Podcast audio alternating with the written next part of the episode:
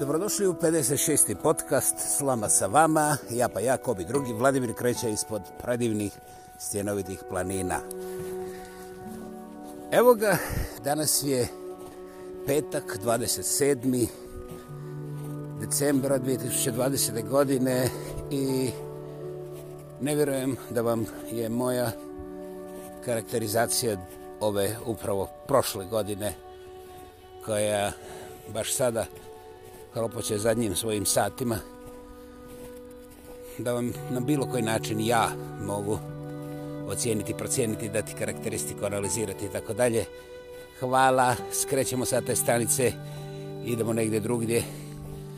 Ja sam ovih dana, ali najprije jučer, doživio to da jedan Zoran na jednoj strani svijeta razgovara sa jednim Ibrom na sasvim drugoj strani svijeta i da ja, ha, pogađate, ja na petoj strani svijeta sve to gledam i nije da ne vjerujem, jer u tom smislu vjera mi je um, hm,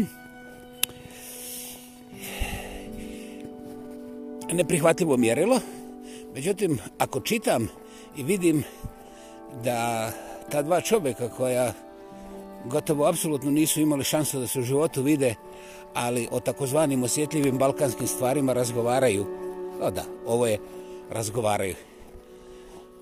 To je najveća moguća titula, to je najveći mogući sadržaj, to je, to je jednostavno svetost realnog života za koju mi još nismo čak ni podesili naše bazične optike da primijetimo koliko je moći u ljudskom razgovoru. Dakle, možete da zaboravite Zoran i Ibro, ali dva čovjeka sa Balkana koji bi trebali navodno da se grizu, naravno da se mrze, to je neupitno, oni razgovaraju argumentirano, staloženo, jasno i bez onih riječi koje se uglavnom ni u kanalizaciji ne mogu zadržati dugo. I ja to smatram svojim najvećim božišnjim poklonom ove čudne i pandemične 2020. Šta ima u tome? Pa znate, e,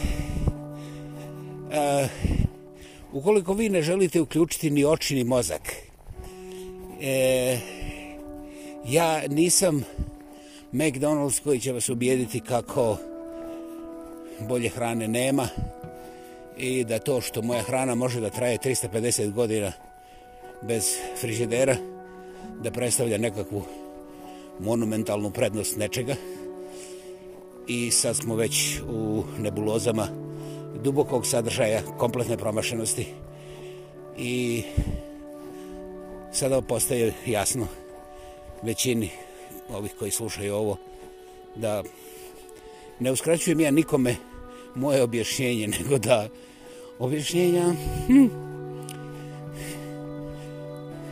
poluzdrav mozak ovdje ne traži, jer mu ne treba, ne, ne služi ničemu, osim dodatnom samozadupljivanju. Dakle, vjerovanje u taj nekakav, nazovi pobjednički mentalitet, i kad mi njih sravnimo i učinimo im toliko i ovoliko i onoliko, znaš, onda ćemo mi biti gazde i bit ćemo čisto krvni i bit ćemo vlasnici i bit ćemo neupitno najbolji od najboljih. Ovaj, znate, ja nisam psihijatar, ali sasvim odgovorno i vrlo kvalificirano mogu da usvrdim kako je ova uh, menopauzalna histerija nekako neuporedivo poštenija i kompletnija pojava nego ovako ovaj, promišljanje nekih nacionalnih budućnosti, ne da Bog i stvarnosti. Vrlo je tužno. Vrlo je tužno. I monumentalno samo ponižavajuće da ozbiljni, tobož ozbiljni političari, mislim, ono po funkciji, jer znaš, kad neko sjedi u nacionalnom parlamentu na pozicijama gdje ima možda jedna iznad njega ili možda dvije, onda ne možeš reći da su to neki uličari, mislim, mislim po funkciji naravno, formalno nisu uličare, ali realno opet nisu uličare, puno su niže od njih, jer uličari imaju nekakav kodeks međusobnog uvažavanja i komuniciranja. A ovdje je samo zbog takozvanog naroda, ta gospoda se pojave na tom uvaženom najvišem mjestu u državi, onda gore nešto muljaju, ni oni sami nisu sigurni šta muljaju i onda idu da rade stvarne poslove kad su zamazali dovoljno očiju iz tih centrala. Najozbiljniji, ja ne želim da koristim puno riječi oko ovoga, ali imate dovoljno da razmislite. Dakle, da li sam ja rekao dignite se na noge pa onda e, protestujte i smaknete sa vlasti i tako dalje. Jede, znate šta, da se meni bivalo nacionalnim herojom, ček, da samo ovo kažem lijepo, ova dikcija je bila prekratka da bi ušlo u... Dakle, da se meni bavilo tim poslom da postanem nekakav nacionalni heroj, to je tvrdo E, nema eko E, ovaj, onda ja ne bi klepeto ovaj, niti bih bilo šta govorio, klepeto se jezikom. Nego bih ovaj pokrenuo svoje jedinice, pa i dvojke.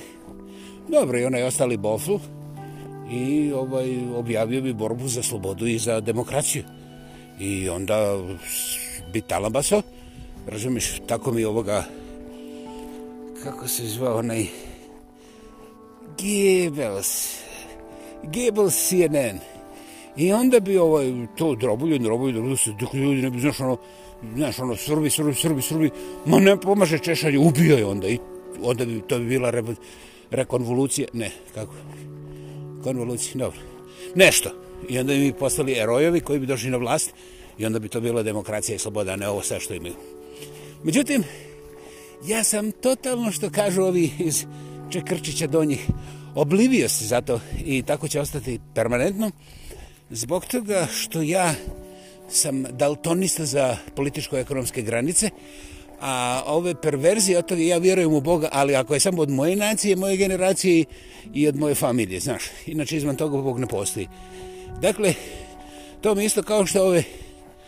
ove aaa, hm, ja ću morati reći, po ponašanju i po mentalnim kapacitetima koje koriste, ne koje imaju, koje koriste ove samoinducirane amebe tvrde, znaš, samo ova nacionalna crkva postoji, tako da je prije neki dan je bilo vrlo, vrlo lijepo pročitati, ali ja nisam mogao da se sjetim kada sam u zadnjih deset godina to pročito zadnji put, da takozvane nacionalne crkve nema tamo neki vrancuz se borio ne znam koliko godina da dokaže, razumiješ, da država mora ima svoju crkvu i opet je ovaj ispušteno kratko.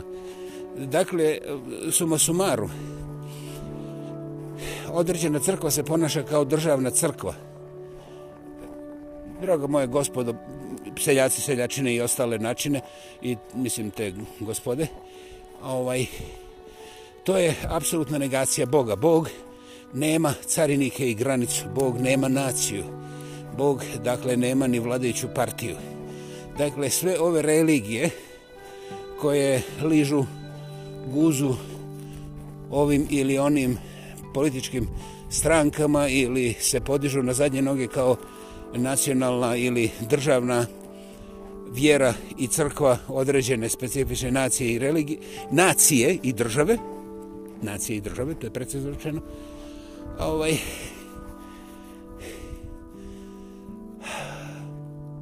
ja svaki put ne vjerujem da je to moguće, međutim, ljudi to mrtvo hladno, radno, hladno rade i oni su ovaj oni su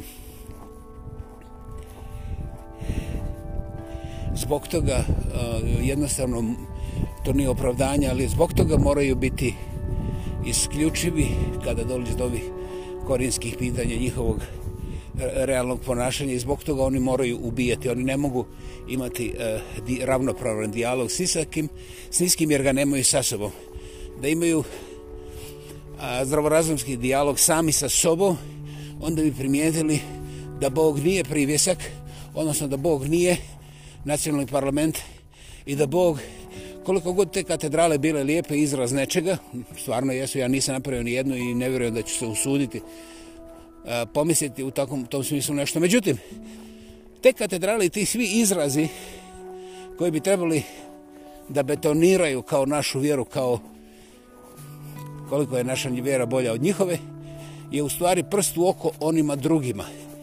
I svaka ta katedrala predstavlja zapravo glogov kolac u srce bilo kakve religije. Nisam rekao istinske. Religije.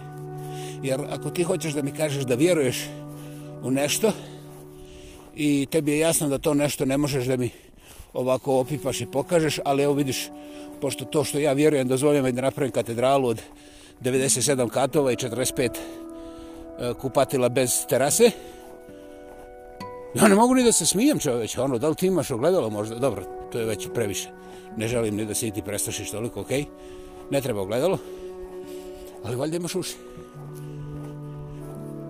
I ovaj, to se iznova, iznova, iznova, iznova ponavlja, tako da sva tehnološka uh, otkrića i ova čuda koje upravo potvrđuju na jedan nemilosredan način ovo što ja govorim, ne mogu pogoditi onaj uh, ono zrnce negdje u mozgu koje kaže hej, aktivno, realno razmišljati sada ovdje i sa ovim što imamo okolo sebe. Ovaj, ja ne mogu da prozivam gospodu Popove ovaj, e, stalno zbog toga što oni ne bi mogli više od 1% da zamrače sa svojim vlastitim snagama.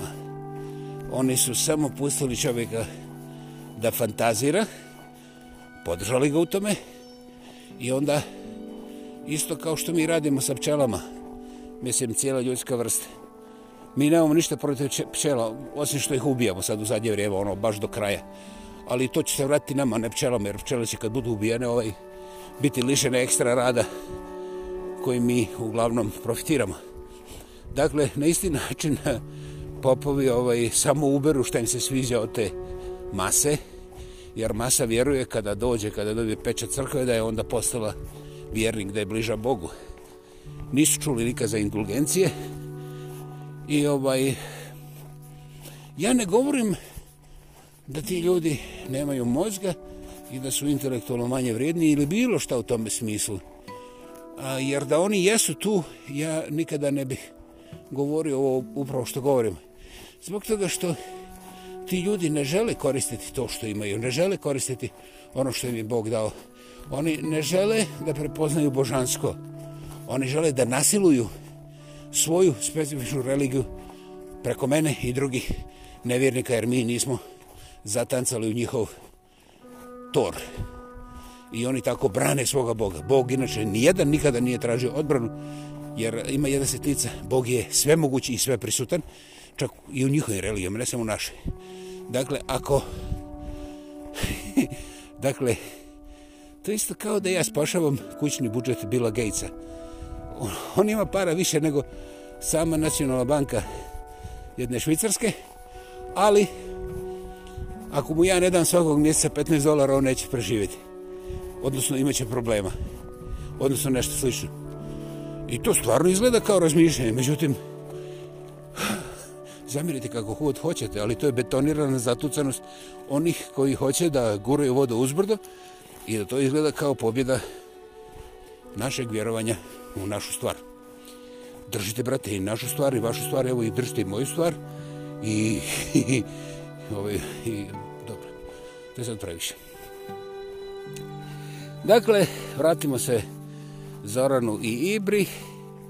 Njih dvojica su izmijenili nekoliko riječi u aktivnom razmišljanju, aktivni stvari, gdje i jedna i druga persona imaju svoje jasno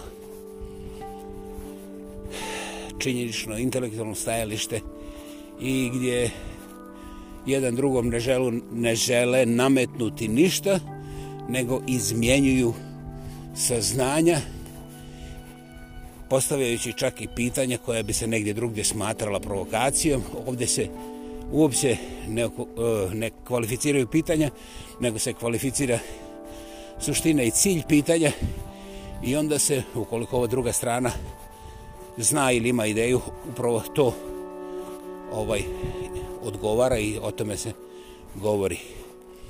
Uživao sam. Dakle, u zadnjih 20 godina jedan takav razgovor u kome ljudi nisu jedan iz drugoga cijedili podobnost ili zaljubljenost ili herojstvo ili zaštitu neke imaginarne vrijednosti, nego jednostavno su razgovarali o stvarnom predmetu, recimo o bureku koji nije burek jer je sirnica. Ok, može i tako. A pritome se niko nije uvrijedio i nije bilo ispitivanje, ispitivanje ovoga mesa jer ovaj zato što neka mesa su kod njiz, njiz, njiz, kod ovi zizi, zizi, i tako dalje. Dakle, tu sam uživao. Zašto je to relevantno za vas, dragi moji slušatelji? Znate, ako ste slušali do ovdje, onda i vi imate u sebi taj osjećaj ljudskosti i želite da ne budete ovca, a svjesni ste da uvijek neka brutalnost vas prešiša, međutim vi ne želite pokretati revoluciju zbog tih šišanja, jer imate tu nekakvu konstruktivnu tolerantnost dok stvari ne pređu granice koje vi sami definirate. I to je odličan početak u ljudskoj, jer apsolutne slobode neće biti bez obzira za koju političku partiju da glasujete, I svakako, bez obzira u kojoj od država ovoga svijeta živite, jer svaka ima neke svoje nametnike, namete i promašaje. I to je vama jasno bez me.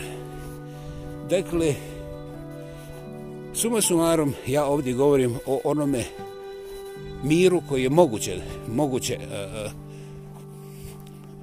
moguće dohvatiti, moguće osjetiti, moguće prepoznati u ovom ovakvom životu koji ne da nije savršen, neće nikad biti savršen, ali može i takako biti, eh, ovo mi je zanimljivo, življiv. Znači, možemo se ovaj ponašati ljudski i da ne budemo uvijek u tim nekakvim revolucionarnim, revolucionarnim za, zakazima, zalazima, za nakazama i ne znam kojim drugim glupostima. A, jedan fantastičan primjer – Govori mi čuo vas danas o nekakvom letećem nosaču aviona. I ovaj... Ja mu kažem, pazi Božić, a evo ovdje u Kravogradu kažu a, statistike, službene statistike, da je noćas, nije bilo minus 150, ali znaš šta, noć, snijeg, zima, kažu da je na ulici, na ulicama, znači u tim raznoraznim razno, pod mostovima, pod parkovima, ne znam gdje već, vani, vani, mi govorimo vani, bilo preko 1500 tih takozvanih homlesa. To su izgledaju kao ljude, ali ovaj, moraš prići vrlo blizu i pogurati ih da stanu na svoje noge. Ako uopće imaš muda da uđeš u ta crna mjesta gdje oni ispod mostova, ispod kanalizacije, bilo gdje, gdje se skupaju kartonske i ove plastične ambalaže, pa onda Slušaj, interesantno, veći dio njih preživi noć.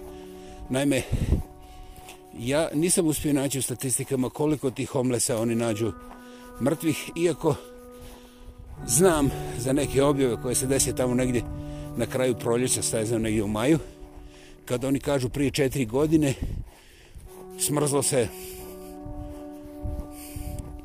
toliki broj ljudi. Ja neću, ja neću da kažem brojku, jer ovaj, osjećam se mučno, pogotovo bi bilo mučno da me neko pita, zbog toga što ta brojka u pravilu kasni 3 do 5 godina ovdje gdje ja smatram da su ljudi civilizirani. Dakle, e, očigledno je da slika te situacije, odnosno toga segmenta, je vrlo daleko od nečega podnošljivog za čak i prosječne stomake i onda ovi u poziciji da imaju te stvarne podatke od nekuda prešućuju i odlažu da govore. Mi četne da se vratimo tom letećem nosaču aviona. A ovo, ovaj, ja sam rekao ovom gospodinu, znaš, ja skupljam da sebi kupim dva brske, dvije brske podmornice jer mi to treba zato što mi ne treba, ali mislim da ću biti prvi, znaš, ono, izaću na barem trećoj stranici ovoga lokalnog magazina i on se smije ja kažem, pogledaj, kako god okreneš, ova ekipa što od smeća pravi golo zlato, naravno za svoje džepove, a preko naše krvi, uspjeva da nas ubijedi da je oružje garancija.